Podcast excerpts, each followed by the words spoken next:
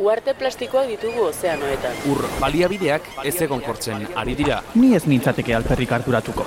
Fenomeno aislatuak dira. Bizioiturak eta herri egiturak aipatu izan dizkidate, zerikusirik balute bezala. Erleak kontserbatzeaz ere hitz egin didate. Baita ariztiak zaintziaz edo ezeguneak babestiaz ere. Eta ni, Nork babesten hauni. Mikroplastikoak elikadura katean sartu zaizkigu.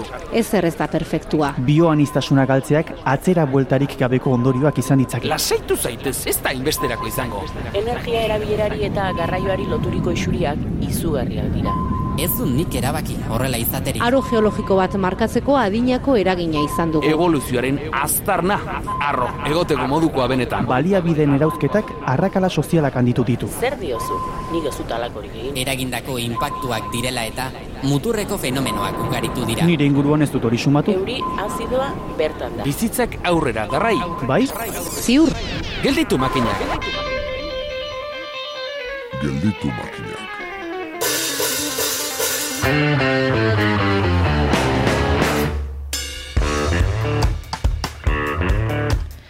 Gabonetan ohikoa izaten da ilusioa, batez ere bukatzen direneko ilusioa.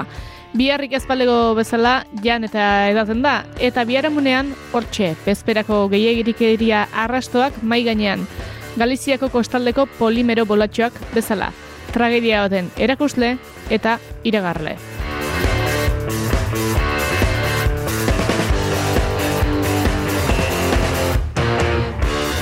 Bizitza xumera itzultzerekin batera intereseko izketa gaietara itzuli gara eta maika da eduki takarkigu. Azteko, urumea zena eta dena itzaldi zikloko irugarren hitzartzeari ekingo diogu leku egoitza elkorta entzungo dugulako Uandre Piriniarraz izketan. Jarraian, urumea baileratik aldameneko bailerara egingo dugu Dornakulantz kolaboratzailearen eskutik eta errenteriara joango gara Txirrita Parkeko egitasmoa ezagutzera.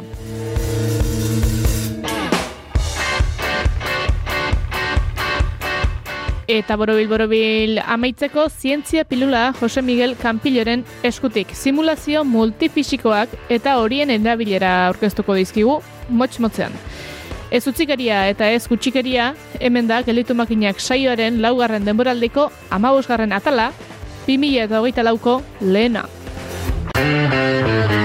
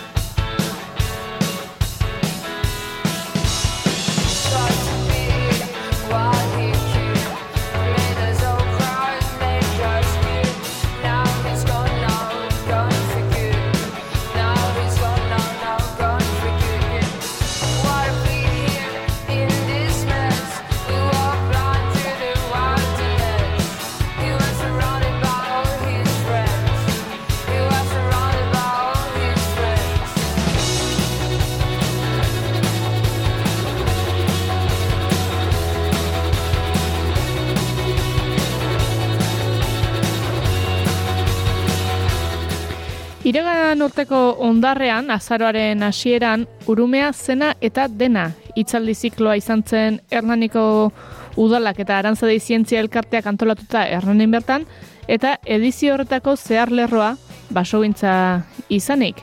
Izaldi zikloa izan zen, baina labur-laburra. Hiru izlari bildu zituzten aretoan eta bakoitzari ama minutuko ekarpen egiteko eskatu zitzaion.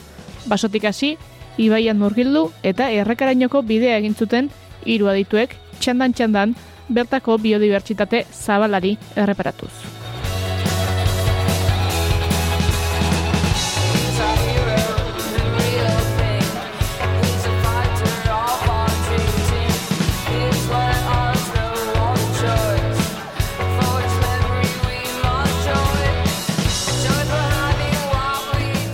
Gelditu makinak saioaren amabigarren atalera ekarri genuen lehen itzaldia Albaro Aragon historialariaren urumea bailarako basoaren kudeaketa eta ustiaketa historian zehar hitzaldia hain zuzen ere.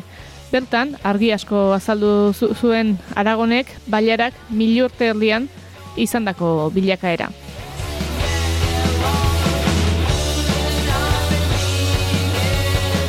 Amairugarren saiora berriz, Miren Garziaren hitzartzea ekarri genuen egurraren bidaia basotik itsasora urumean bera hitzaldia eman zuen arkeologoak eta bai kontu bitxiak aipatu ere.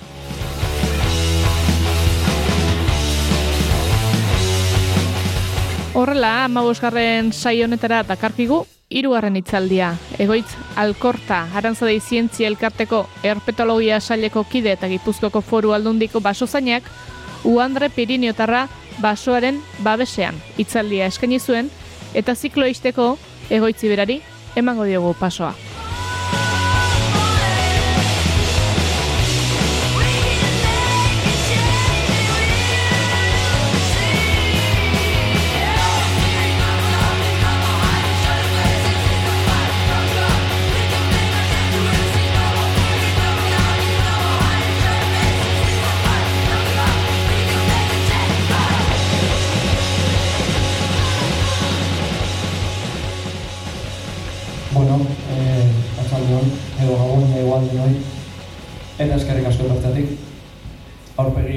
Ezagun asko publikoan eta pozarria eskertzen da. E, bueno, e, aurreko urtean, e, hemen bertan e, itzein zan Uandre Pirineotarran inguruan, baino aurten 2008 garren urtean, e, Hernaniko erreka batzutan lanian ibili eta ni gaurkoan etorri naiz, ba, pixkat e, indegun lan horren e, inguruan hitz egitea, eta gero bukaeran, ba, ba, pixkat e, azaltzen saiatzea e, bertako basoak, babesteak edo kontserbazioak, ba, ze, ze, ze garrantzi daukan ba, Uandre Pirinotarran biziraupenean. E, Uandre Pirinotarra e, anfibio bat da, eta izenak esaten duen bezala, ba, Pirinotako eta Pirino ingurutako errekastotan bizi da, urotzeko errekastoak gustatzen zaizkio, eta, eta espezie endemiko bat da. E, endemikoa dela esatean, esan nahi dugu ba, ba, ba munduan, ba, Pirineo, Pirineotan eta inguruetan, eta bertan bakarrik aurkitzen degula. E, bizileku bezala, gustatzen zaizkio ba, mendietako iboiak eta goi mendiko errekak, baino bere banaketan ba, eremu batzutan, mendi ertain eta basuko errekatan ere aurkitzen dugu, eta urumea bailarako populazioen kasua hause da. Hemen ikuste zute e, anfibionek zer itxura duen, bai, amaos bat zentimetroko tamaina, e, kolore grisa, ale batzuk argiagoak dira, beste batzuk ilunagoak dira, azala pikortsua eta oso latza, e, isatxa oso oso sendua dute, e, arrokei eusteko korronteak bere eraman ez ditzan, eta fijatzen bazate, ba, muturra eta burua zapalak. E, harri artean eta harri azpitan dauden eta jatea hainbeste gustatzaion zomorroak ba, bilatu eta harrapatzeko. Bueno, hemen ikuste zute e, laranjaz e, Uandre Pirintarran banaketa eremua, eta hemen e, ikusi ezakezue ba, banaketa hori iristen dela Nafarroa iparraldera eta baita Gipuzkoako puntutxon batera ere. E, populazio hauek egongo liake e, Uandraren banaketaren muga-mugan. Eta e, altitude gutxiagoko errekatan bizi dira Pirinoko, Pirinokoekin alderatuz. E, horrek esan nahi du, ba, behaientzako hemen inguruko habitatak ez diala optimoenak.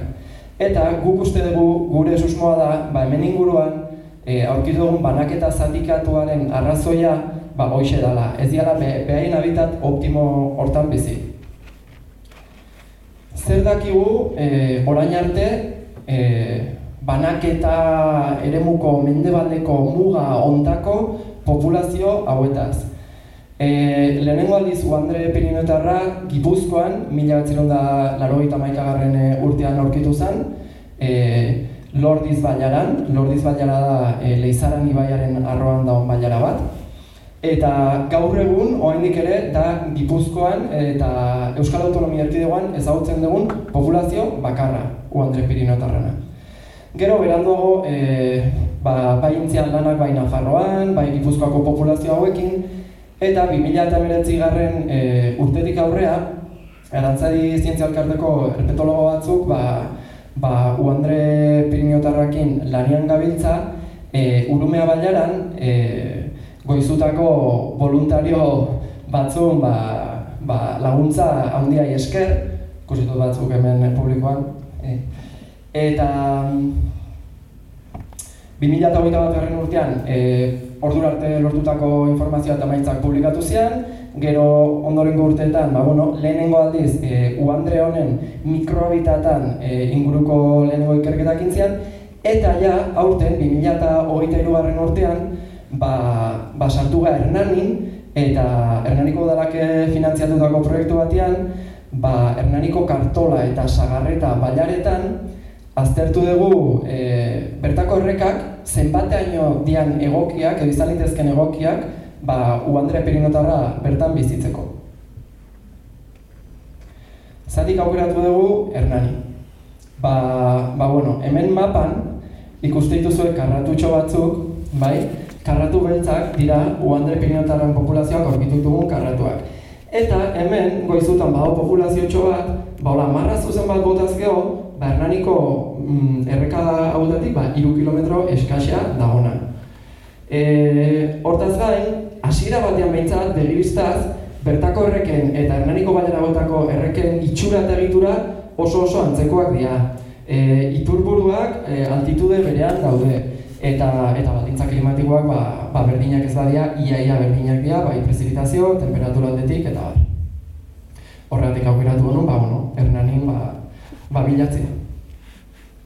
Hemen Hernaniko mapa eta kartola eta sagarreta bailarak daude, ba bueno, e, Hernaniko lurren hegoaldeko muturrian eta indeguna da bi bailara hauetako hiru erreka desberdinetan, sagarreta, kartola eta azketarreketan ba, amabi transektu edo erreka tarte begiratu ditugu e, erreka bakoitzean lau.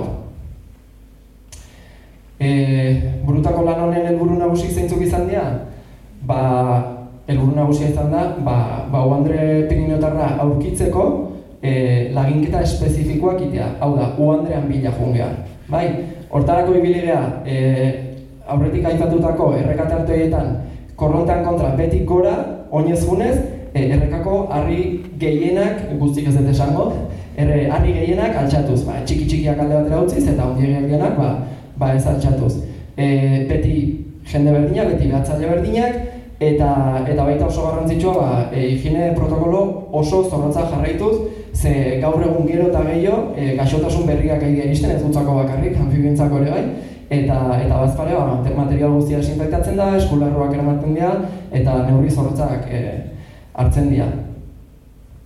Bigarren helburu nagusia, e, erreka transektu edo erreka tarte bakoitzeko e, karakterizazio orokorra burutzea. Hau da, errekak tarte hortan dituen ezaugarriak aztertzea.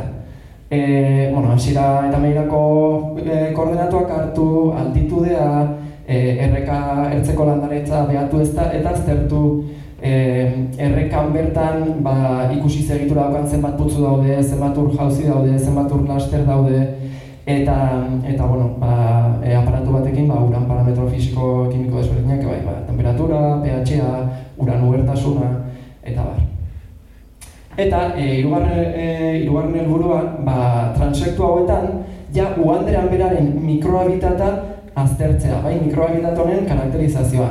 E, Hortako, e, iten dena da, hemen ikuste zute sare edo kuadrante hau, e, metro karratu batekoa, eta e, ibilbide edo transektu bakoitzean hartzen da kuadrantea eta zoriz bota egiten da.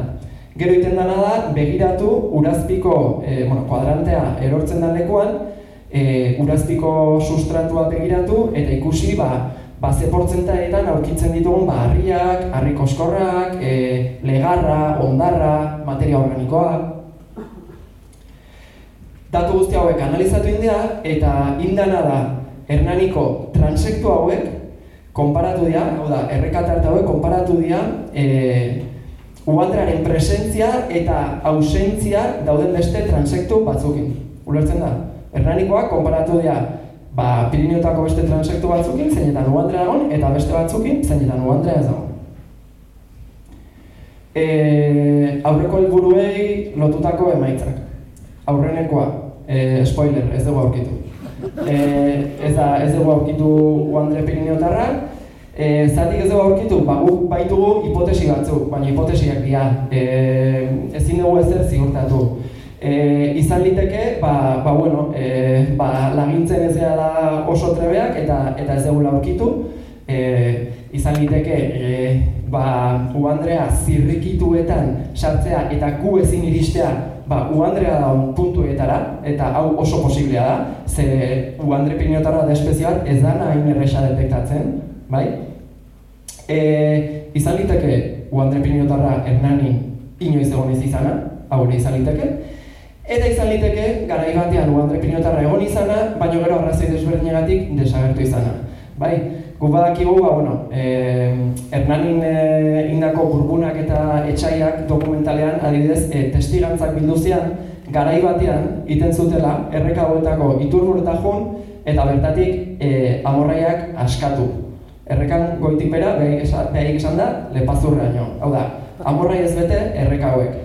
Zer gertatzea, hau Andre Pirinotarra eta eta Morraia ba, ez dira oso lagunonak.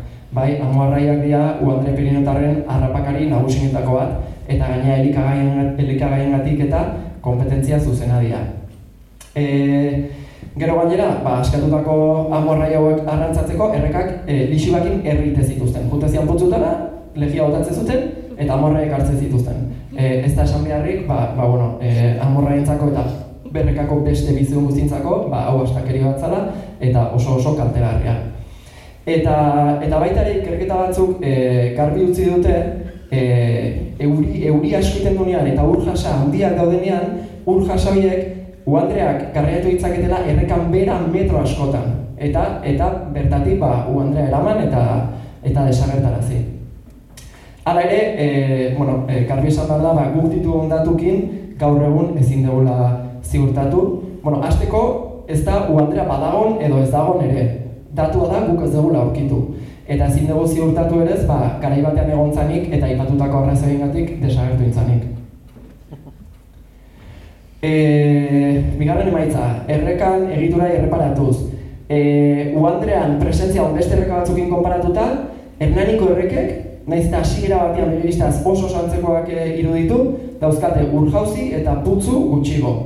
Eta eta ikerketa batzuk esaten dute, ba Andreari gustatzen zaizkiola putzuak eta asko, bai?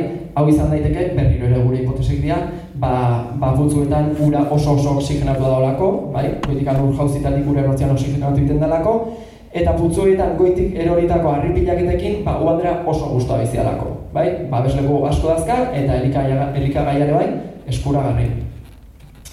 Eta aldiz, mikrohabitata lehen aipatu duen, ba, sustratua irreparatuz gero, e, ba, ikusi arnanik horrek, ba, bai dakatela antzekotasuna, e, u Andrea aurkituan beste, beste erreke, errekekiko, bai, e, harri koskor, harri eta eta ondar kantidade nahikoak eukiko lituzketela u Andrea bizitzeko. Bueno, meleno aipatu dut, amoarreiena, e, oain zaitu bat pixkat, ba, ikusten e, uandraren, e, ernanin uandraren ausentzia honen eragile posibleak. Bat, aipatu dugu ja amoarreiena, badakigu, esplikatu izuet pixkat ze, ze pasazan, e, errekak erretzaren ere bai, eta e, hau e, pixkat hemen saiatuko nahi zonda azaltzen, hau izan daiteke e, eragile nagusinetako bat e, bailara hauek e, historian zehar bailarauetako paisaiak e, jasandun bilakaera, bilakaera, bai? E, lehenengo orto irudiak, hau da, zerutik ateaktako irudiak bailara hauenak, mila bat da berrogeita bosgarren urtekoak dia gutxi gora bera, orduan entzialako lehenengo egaldi amerikarrak, eta irudi hauetan garri ikusten da, ba, garai hartan e, errekauen iturburuak iturburuen ingurutako lurrak zeudela erabat soilduta. Zuaitz estanduraik ez zeon. Bai, dena zian zelaiak, mendiko larreak, eta hau izan daiteke, ba, bueno, gara hartan abeltzantzak pixu handia bazekalako gaur egun baino, E, leno aipatu den bezala hemen inguruan ere ba, bai e, mehatzaritzak eta baita ikazkintzak ere ba, ba, garrantzi, garrantzi handia zuten baiara hauetan, gaur egun horretik ikusten dira baiaretan ere ba, ba mina zuloak eta, eta txondor plaza. Gero, mila betzireun da larogetik aurrera, larogei garren amarkatik aurrera, ja, e, gaur egun dakagun baso gintza eredua sartzen hasten da, bai? E, koniferak landatzen az, e, hasten dira, azkuntza azkarreko e, zuaitzak, bai? Intxin izpinua, alertza eta bar, eta gero ja, gaur egun azken urteetan edo azken amarkadan, ba, baiara hauetara e, eukaliptu eritxi da. Eukaliptu eritxi da, arrazoi desberdinen gatik, bain gaitza, e, eukaliptuak oraindik eta azkuntza azkarra badaukalako, eta bar, ba, ba gauza da, kartola baiaran adibidez, hektarea pila eta pila eta pila e, daudela eukaliptoz landatuta. Bueno, hau pixkat ikusita, baina hauen bilakaera pixkat ikusita, e, e, azaldu nahi zuen pixkat, e, ze eragin e, eduki dezaken honek e, uandraren ausentzian edo uandraren e, biziraupenean. Azkenean, e, modu batera edo bestera, bai, ba, garai batean, e, mehatzaritza eta ikazkintzagatik, edo bai, gaur egun daukagun basogintza eredu honengatik, gauza da, baina horiek guztiz soilduta egon da, eta urte askotan zehar soilduta egoten diala. E, honek, bertako errekan, e, bueno, hobesan da erreka ekosisteman, ze erreka, erreka ekosistema ez du errekak bakarrik osatzen, bai? bertako bizidun guztiek, bizigabek, behin arteko elkarrekintzek, osatzen dute, eta bueno, eragin zuzena dauka erreka ekosistema hortan. Alde batetik, e, baiara guztiak, e, hain markartxuak izanik, eta guztiz soildu eta babesi gabe ba, euri jasa potentia zenean, ba, lur, lurrigadura oso handia ematen da, oso oso handia, e, kiloak eta tonak, e, bukatze dute, e, sedimentu modun errekatan. Zer bertatzen da? Ba, bueno, e, ura uhertzen da, oda urak e, marroi kolore hartzen du, uretan don oksigenoa ba, ba, ez dago hain eskuragarri uandraren zen, eta uandreak e, babesleku bezala erabiltzen duen zirkitu guzti, ba, sedimentuz tapatu egiten dira. E, gainera, e, pasatzen dena da, hori ez dela urte bete edo bi urtetako gauza. Baina hauek guztiz soitzen dira hainbat urtean behin, bai, bota hogei tamar, berrogi urtean behin, eukalbituarekin igual hogei urtean behin, eta eta zuez guztiak menditik bafatian eramaten dira. E, zer gertatzen da, ba, urrengo urtetan eta urrengo markadetan, hola soilduta galditzean, ba, lurra behin eta berriz, ba, errekara dijoa. Gainera, e, zuaitzen zalduraik e, ez egotean, ba, eguzkian eragina uretan ba, handiagoa da eta uran temperatura igotzen juten da. E, U Andrea iren esaten bezala ur hotzak edo oso hotzak usta zaizkio eta eta U Andreantzako ba, ba eragin hori oso oso kaltegarria da. Eta gainera, ba, bueno, azken urteetan e, arantzadi egindako ikerketa batzuk ere garbi utzi dute, eukaliptuen ostoek e, uretan disolbatzen ba, toksina batzuk askatzen dituztela, eta bertako anfibio espezie ba kriston kaltea eragitea. Iten dutena behain osasun egoera ba, ba, ba txartu. Eta, bueno, ba, augustia ikusita, ba, nik uste garbi gatzen dela, ba, ze garrantzitsua dan, bertako basoak babestea eta bertako basoak ba, e, konservazio egoera on batean edukitzea, bai herribera basoak, hau da errekartzeko basoak, eta bai inguruko basoak, E, ez Andre Pirino tarrantzako bakarrik, bai, gu gaur Andrea eta ze hitzaita etorri gara, baina, baina bueno, errekako sistema oso antzako, bai, bertako bizidun guztintzako. E, errekako sistema oso asuntxu mantentzeko e, azken finean. E, urte hauetan, gehoz eta, bueno, adibide bebe azkago eta oso garbi galitzen nahi da, ba, ba, biodibertsitatean kontserbazioa oso oso oso oso garrantzitsua dela, e, etorkizun e, urbil edo ertain batean ba, ba, zer egin hauki nahi badeu ba, klima, klima aldaketa aurre, aurreiteko. Eta mm, olako proiektuak ba, oso garrantzitsua dira, azkenean beten zute biodibertsitatea, biodibertsitatea, baina biodibertsitatea hasi behar da zaintzen eskala lokal batean.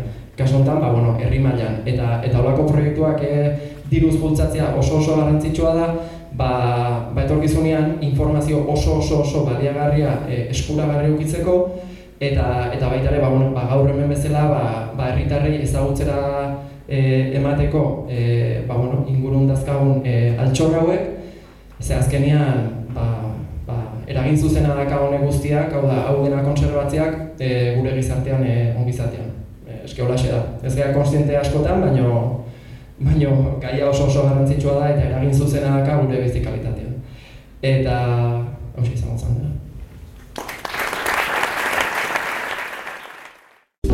Eli pagolarekin geldituko dituzu makinak naiz irratian.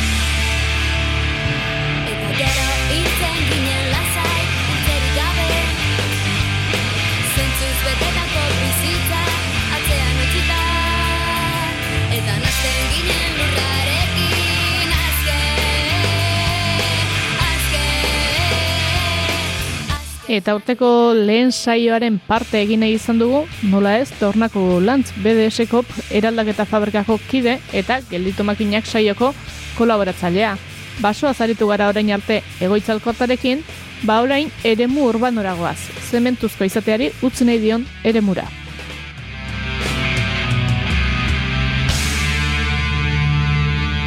Kaixo, gaude berriro laiarekin bueltaka eta e, gaurkoan Elez eta B arkitektura kooperatibarekin bilduko gara, e, ane eta Julenekin bilduko gara eta hain zuzen ere parke eta solastuko gara, umeen parkeak e, bakizute leku guztitan aurkitzen alditugu, binon ez dira denak berdinak, ikusiko zuten bezala, ba, dira e, ba oso prefabrikatutako parkeak eta beste batzuk ez hainbeste ez hain hain prefabrikatuak direnak. Eta hortarako dugu e, eredu ekarriko dugu eredu aldi honetan txirrita parkea eta bueno, hortarako, guzti hortarako, eh, esan bezala, hemen ditugu. Ane eta Julen, kaixo. Kaixo. Apa. eta, bueno, ba, hori ja zuzenin, lehenbizko galderara goaz, e, zer da txirrita parkea? Bueno, txirrita parkea da duela ba, bi hiru urte egin genuen parke bat, errenterian dago, alde zarraren iskin batean. Eta pixka bat gune gogor batean egin nahi izan genuen parke naturalago bat e, da. E, esan bezala izaera natural hori bilatzen saiatu ginen, ba, pixka bat e, hor zeuden eremu bateko zuaitzen jarraipen, jarraipen modura edo. Bai, eta bueno, pues, ai- aipatzeko pues, pixka nun, nun dago kokatuta, ba, esan duzu alde zarraren alde batean dago, pues, errenderia ezagutzen duen jendeantzako, ba, eroskiko parkinaren gainean dago, eta bueno, horrek ere baldintzatu zuen pixka bat, ez, e, ba, ba, zer egin altzen eta zer ez, ba, e, ba, zegoen bueno, txirrita, txirrita plaza zena, ba, e, nahiko plaza gogorra, E, eta ba, onduan bazun malda nahiko berdea, zuaitzez betea, eta bueno, ba, nahi izan genuna izan zen, ba, zuk aipatzen zenun bezala, ne, ba, pixkat horreri jarraitasuna eman, eta eta ba, iriguneari barnazgune bat eman baita ere, ez, ez, ez izatea hain gogorra ere hori. Lurralderekin integratutako parkearen ideia hau nondik edo nola sortzen da? Bale, ba, errenteriako udalak 2017 urtean e, parte hartze prozesu bat abiatu zuen, e, BDSkopen e, ditugun iritikat kooperatibarekin, eta horren jarraipen gisa izan zen pixka bat gure lana. Mm. Bai, bueno, azkenen iritikate gidatu zuen prozesu hori, ba, izan zen, ba, herriko, errenderiko aurrekin egindako prozesu bat, ikastetxekin, eta bar, eta bueno, pues hor pixka bat egin zutena izan zen, denen artean definitu zer nahi zuten. Jolasgune horretarako, ze ba, nolakoa nahi zuten izatea, ze, ze elementu nahi zituzten, bueno, proposamen desberdinak e, egon ziren, gero bozketa bat e, egin zuten, eta eta bueno, hortik gero gu abiatu ginen ja, e, iritikatekin batera hasieran baita ere, beraiekin e, lankidetzan, ba, parkearen diseinuan bertan, ez? E, hori izan zen, ba, 2018 emeretzi ikasturtean, Bai. Eta obra 2008an izan zen, 2008an, bai, ez? pandemia 2008an, garaian izan zen. bai. Grabatu zigun pandemiagan, bueno, ba, izan zen esperientzia nahiko polita alde batetik antz, deno ginen etxian eta guan, ba, eman ziguten baimena obrara joateko eta bueno, ikusten genuen parkea ari zen pixkanaka pixkanaka eta bueno, ba, esperantza hori ba, gero pandemia bukatzean ba, parkea ba, beteko zela bizitzaz ez, eta, bueno, eta horrela izan zen. Izan zen beste referentzia bat ukartuta eta kito, edo baita izan zen umeekin parte hartze prozesu bat egin izan zen, edo... Hori pixka bat iritik, iritikatek eraman zuen, guri iritsi zitzaigun pixka bat partartze prozesuaren eh, emaitza, eta markatzen zizkuten irizpide batzuk, eta gero, ba, adibidez, berezia izan daiteke hemen, ba, parkeak hiru eremu dituela, adin desberdinetako eta aur desberdintzako eremuak, hori izan zen adibidez e, irizpide bat, edo beraien markatzen ziguten ze elementu nahi zituzten bereziki, ba, aipatzeko ez laberinto bat nahi zuten, eta salto-salto batzuk, eta pixka bat hori izan zen gu saiatu ginen beraien eskaera horieri erantzuna ematen. Eta pandemiakin etzen zaildu pixkot hori? Bueno, pandemia garrapatu gintun e, Obra obraina, garaian. bai, Bai. Lehenago egiten. Bai, Bai. obra hasi zen pandemia baino lehenago, eta gero, Bai. oroitzen, bueno, oroitzen Bai. izan, izan zela, ba, bueno, ba, momentu baten obra galdituta egon zen, gero, bas, baimen eman zuten, ba, horretan aurrera jarraitzeko, eta baina bai izan zen obra, obra garaian, etzun diseinua, etzun, Hori da, etzun emaitzan ez baldintzatu. zuen, Ez, ez etzun zuen eragin. baldintzatu ez. Mhm. Ba, em, ba, bueno, ba, guztionekin urrengo galderari helduko genioke, izango zela, e, oza, bai, badakigu zer den, eta nondik heldu den ideia hau, binon, e, esango dugu zer egiten duen berezi, ba, bueno, bizkata ipatu dugunarekin ikusten dugu nondik e, zegatik ekarri dugun arira parke hau. Binon hori ba, ze, zerk, zerk bere izten du parke hau, zagatik hitz egiten ari gara txirreta parkaren inguruan. Bueno, eritzen zaigu azkenean gaur egun irigunetan ohituta gauden aur parkeak ikustera, ba, direla aurre fabrikatutako em, elementu ez osatutakoak eta gu saiatu ginen pixka bat horreri buelta bat ematen, ez? Ba, jolasteko modu desberdin batzuk bilatzen, ba, pixka bat e, material desberdinak sartzen, eskuak erabiliz jolasten aldiren parke bat sortzen, e, materialekin eta uraekin esperimentatzea, eta, bueno, pixka bat hori izan zen lehen aipatutako berde gune sentsazio horrekin, ba, pixka elementu horiek sartzea. Eta, eta hori da pixka bat, gaur egun egia da ez dela hain desberdinan gero eta horrelako parke gehiago daude, baina, bueno, egia esan, ez dakit, ez da esaten dugun iriguneko parke, gaur egun ohituta gauden parke hoietako, hoietako bat. Bai, eta bueno, aipatzeagatik pixka bat, ba, bueno, lehen, lehen komentatu duzun bezala, ba, e, ere muka antolatuta dago eta pixka nahi dio erantzun adin guztietako e, aur eta gaztetxoa, izan askotan gaztetxoak ere aztu egiten ditugu, eta bueno, e, baditu txoko batzu, ba, gaztetxoak egon alizateko ba, lasai, e, beraien pixka bat izkutuago edo, edo lasaiago, e, gero aurrentzako, ba, nik uste dut erakargarri egiten duela baita ere, ba, ur, ur eremu bat daukala, ba, iturri bat eta ondar eremu bat eta urarekin jolasteko elementuak, eta bueno, hori ba, uda garaian ba, ba, asko eskertzen dute.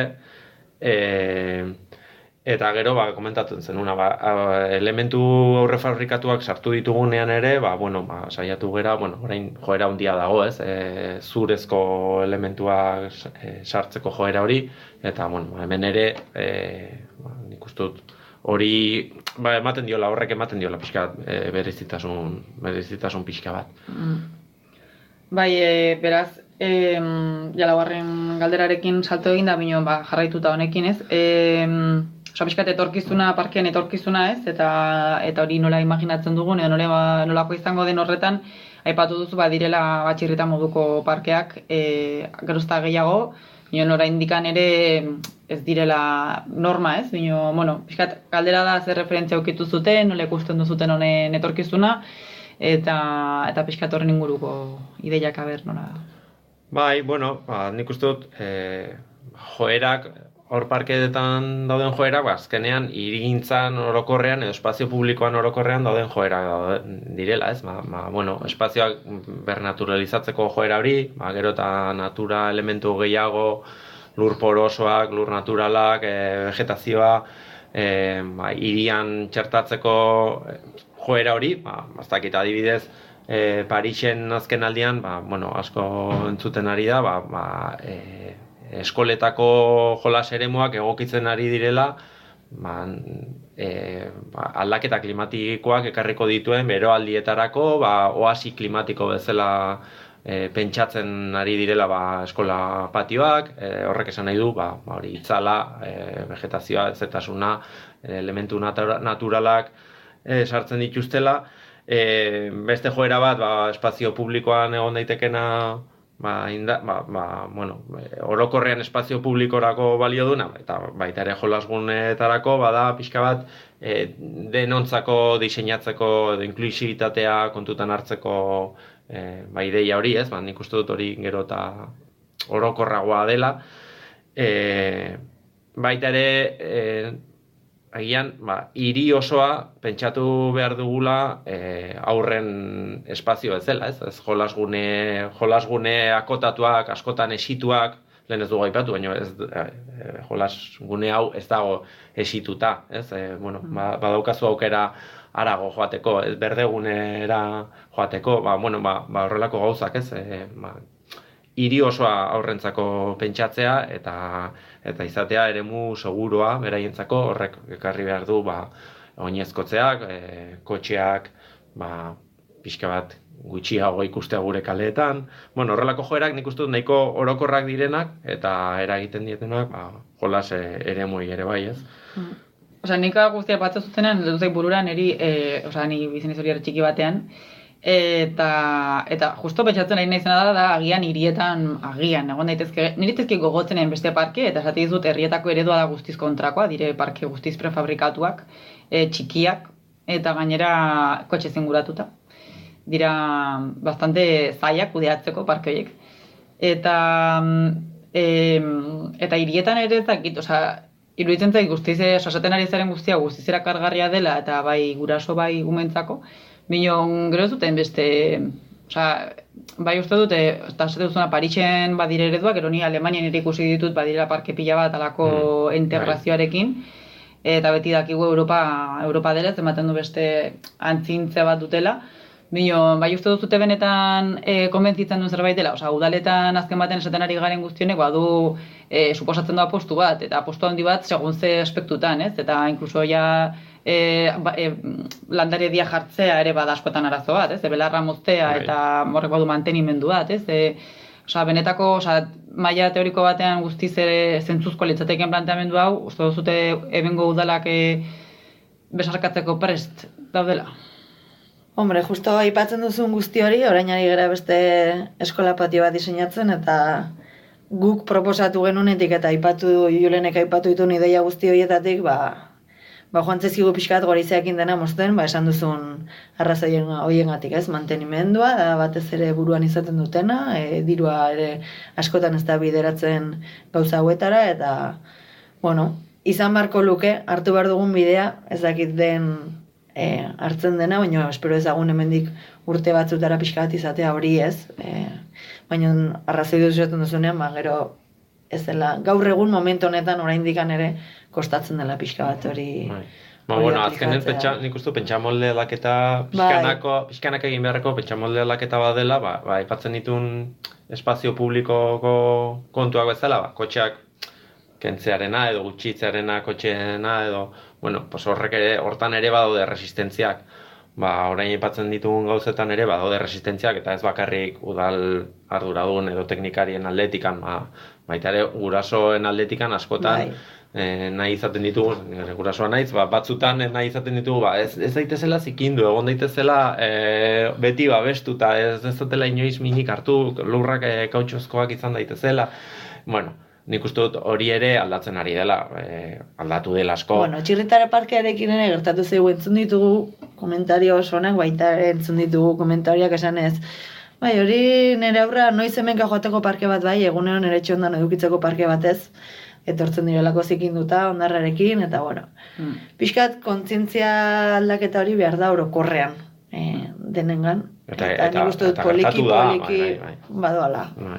Baina, Bueno, aquí, honek suposatzen aldo baita berriro hitz magiko bat esango du, baina paradigma aldaketa bat inkluso, ez? Osaten ari garena da, da zure semalabekin harremantzeko beste modu bat dela ere bai, ez? Ematean, Bai. edo, edo beste denbora batzuk eskatzen dituen parke bat, ez? Esaten duguna, umea zikinduta etxera joaten bada, agian e, lanaldi oso baten ostean, ba, igual ez duzu gogorik e, umea garbitzen hasteko, imaginatzen dut, eta igual ere lanaldi osoaren planteamendua bera ere bada Osa, azkenan beti da gauza guztiekin gertatzen dena, ez? Beti gozateko beste batera ematen zaitula, baina eta ez da radikalki, osa ez da parke hauetan jostatzeko ezin bestean behar dugula lanaldi murriztu bat, baina pixka konbidatzen gaitula prozesu horretara, ez? Beste guztiekin bezala, landarearekin harremana dugun bezala, ez? Em, nire tutzen zaiten dauden herrietako landare dien tratua ere bai, osa, hiritarrek ematen digun tratua, e, uste dut ez dela, oza, ez gara ongi harremantzen, askotan ere e, dela zatarrak eta xetzen ditugu gauzak ez, eta karo, ba, ba, landare ez da, oza, bigu, zerbait da, ez?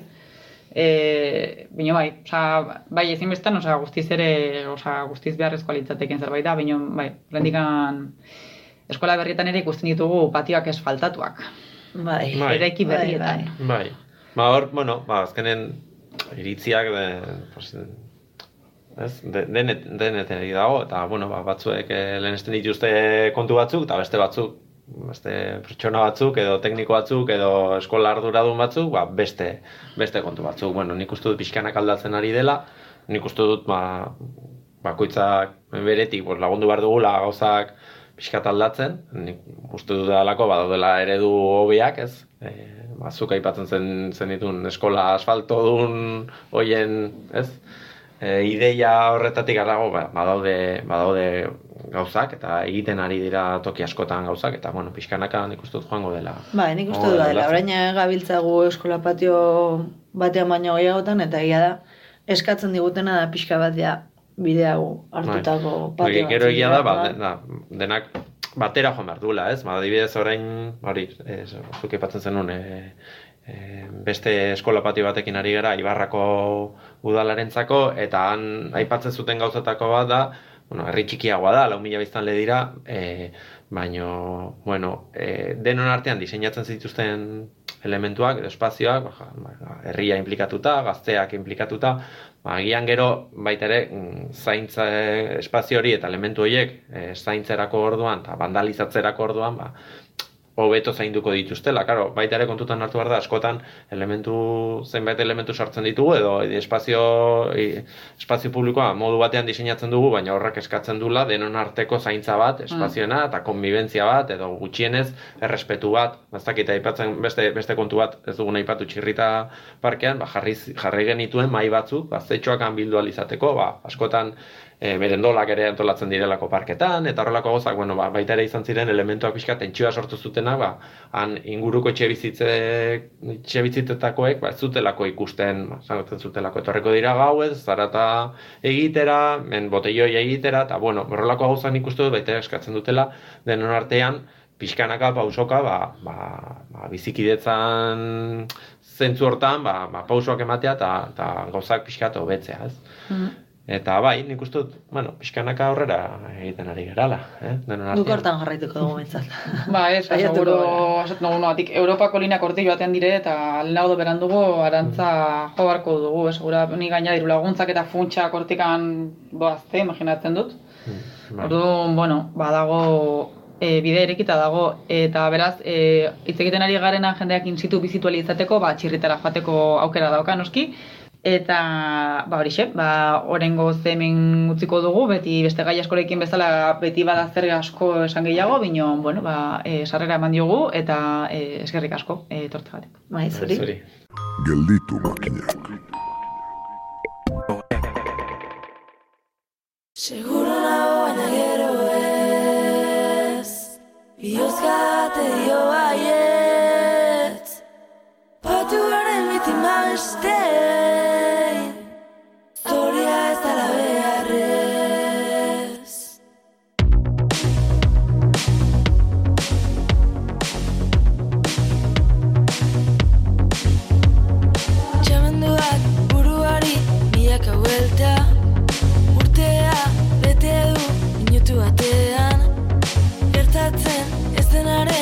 esklabua Ordu txikitan kateta mamuak. Arima baten gorputzean Aztu zaizu zure azentzea. Utxetik astea Botea kontrolatzea. Seguro nago baina gero ez. Iozka te dio baiet Eskerrik asko Dornako eta konpainia beti bezain interesgarri zuen saioa.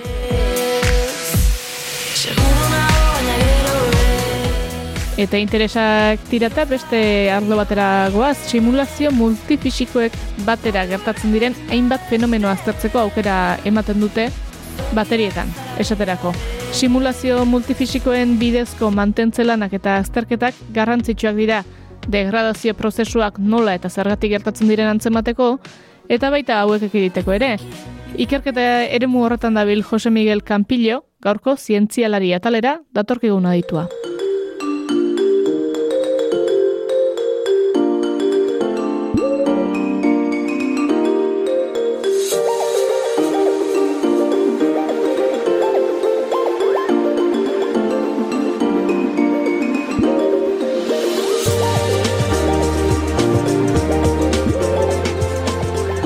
Gaur egun simulazio multifizikoak e, modan daude. Olako simulazioetan e, hainbat fenomeno batera aztertu daitezke, simulatu daitezke akoplatuta. Hau da, adibidez, bateria batean, guk e, hainbat fenomeno ditugu aldi berean gertatzen sistema oso komplexua delako. Orduan, bertan, bauzkagu korronte elektrikoak, bauzkagu e, efektu termikoak, bauzkagu e, difusio prozesuak, bauzkagu e, deformazio mekanikoak, eta hori guztiak guk mul- simulazio multifizikoekin batera aztertu ditzakegu ekuazio diferentzialak akoplatuta daudela. Horrek e, almena ematen digu nolabait aurre ikusteko sistema horietan, sistema konplexu horietan zer gertatzen den etorkizunean. Simulazio multifizikoak oso lagungarriak dira adibidez e, bateria eta kondensadoren e, diseinu prozesuan. E, kontutan hartu behar dugu bateriak eta superkondensadoreak gaur egun gure gizartearen arlo gehienetan azaltzen diela. Mugikorretan, e, ordenagailuetan, ibilgailu elektrikoetan. Eta ze gertatzen da olako e, sistemetan, batzutan istripoa gertatzen dira. Mm, Bateria eta superkondensadore horien degradazioagatik. Orduan, batzutan sua pizten dira, edo kasu larrienetan leherketak ere gertatu izan dira. Simulazio multifizikoen bitartez guk egin dezakeguna da e, sistema horiek nolabait e, simulatu eta aztertu degradazio prozesu horiek nola gertatzen dien. Orduan, e, simulazio multifizikoak erabila daitezke olako istripuak e, arindu edo ekiditeko eta are gehiago, ekoizleentzat ere oso interesgarriak dira nolabait e, diseinu prozesua optimizatu daitekelako mm, bateriak eta kondensadoren diseinu prozesuak, eta horrek aurreztu aldie dirua eta denbora. Superkondensadoreak oso interesgarriak dira bateriekiko osagarriak direlako. Hain zuzen, e, gaurko gizartean presaka eta korrike biltzen gara eta gauza guztiak azkar egin nahi ditugu. E, adibidez, kotxe bat elektrikoa balima daukagu nahi dugu azkar kargatzea bat, e, telefono baten moduan. Orduan, e, gaur egungo bateriek mugak dituzte karga prozesu azkarrak egiteko.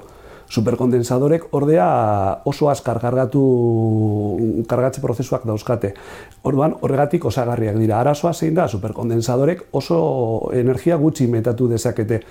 Bateriak aldiz, baterietan energia asko metatu dezakegu. Orduan, momentu honetan ikerlariak ari dira aztertzen nola handitu superkondensadore hauen e, energia metatzeko gaitasuna. Eta gu o, simulazio multifizikoak egiten ditugu hoiei laguntzeko. Gure e, ikerketaren erronka nagusiak hiru dira. Alde batetik gure ikerketa taldean badaude ikerlari batzuk materialak garatzen dabiltzatenak, bateriak eta superkondensadoretarako, eta guk laguntzen diegu gure simulazio multifizikoetan material hoiek nolabait garatzen eta hobetzen. Beste helburu edo erronkaetariko bat da nola e, enpresekin kolaboratzea beraiek bateriak eta superkondensadoreak diseinatzen dituztenean e, dispositiboak hoiek ere optimizatzeko nolabait diseinu geometrikoa eta bestelako parametroak optimizatzen laguntzen diegu. Eta gure hirugarren erronka da dauzkagun ikasleak, fakultatean dauzkagun ikasleak osonak dienak, e, nolabait mm, formatu egiten ditugu e, gero lan merkatuan sartu ahal izateko.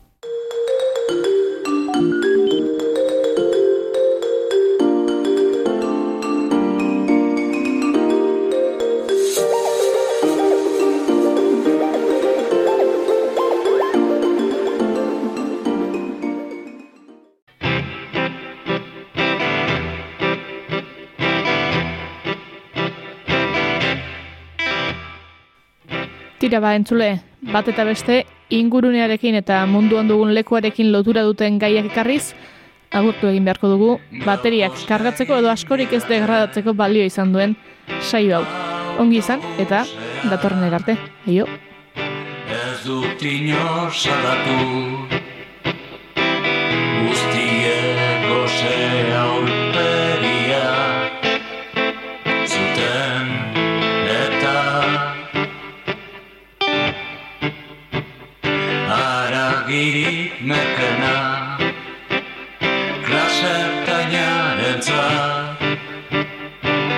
hasi zenetik. Izugarri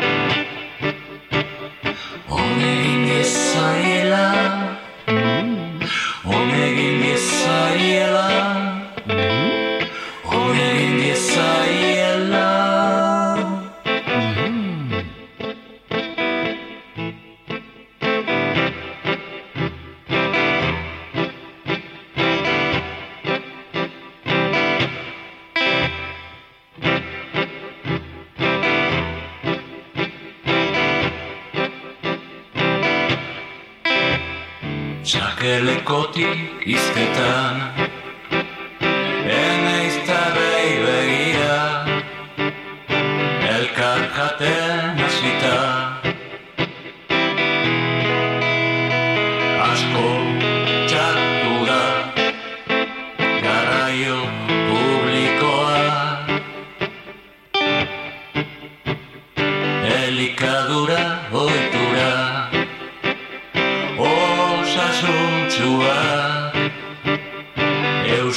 Euskal